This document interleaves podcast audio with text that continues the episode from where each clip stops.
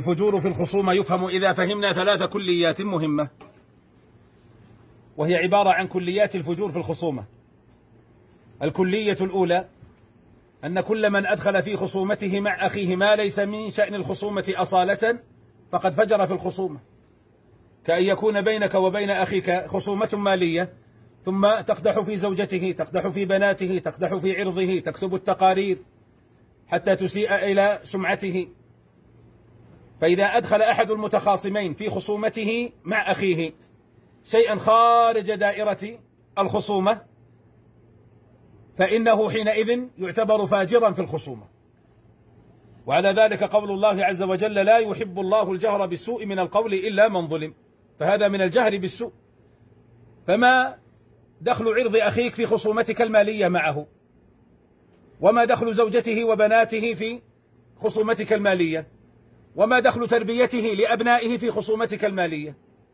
فإذا كل من أدخل في خصومته مع إخوانه شيئا خارج حدود دائرة الخصومة فإنه يكون فاجرا في الخصومة. الكلية الثانية أن كل من أنكر الحق الذي عليه في الخصومة فقد فجر في الخصومة. وذلك لأن الواجب على كل أحد أن يؤدي الحق الذي في ذمته لإخوانه. فمتى ما أنكر الحق وهو عالم بثبوته في ذمته ويقيم على ذلك البراهين ويشهد على ذلك شهادة الزور بل ولا ربما والعياذ بالله يقسم الأيمان المغلظة أن ذمته بريئة وهو يعلم أن ذمته معمورة بهذا الحق لأخيه فحينئذ هذا فجور في الخصومة. فكل من أنكر الحق الذي في ذمته وهو عالم به فإنه فاجر في الخصومة.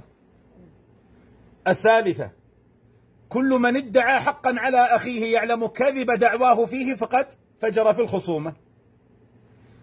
فبعض الناس يقيم دعوة في في القضاء على أحد إخوانه وهو يعلم يعلم أن ذمة أخيه بريئة من هذا الحق.